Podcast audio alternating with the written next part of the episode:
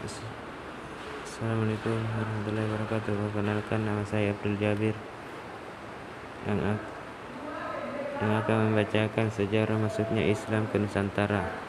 Islam dipercaya tiba di Indonesia langsung dari Timur Tengah melalui jasa para pedagang Arab Muslim sekitar abad ke-7.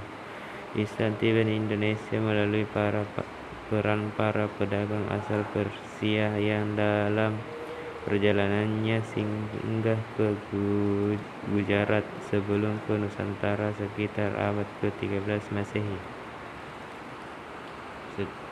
Sekian dan terima kasih.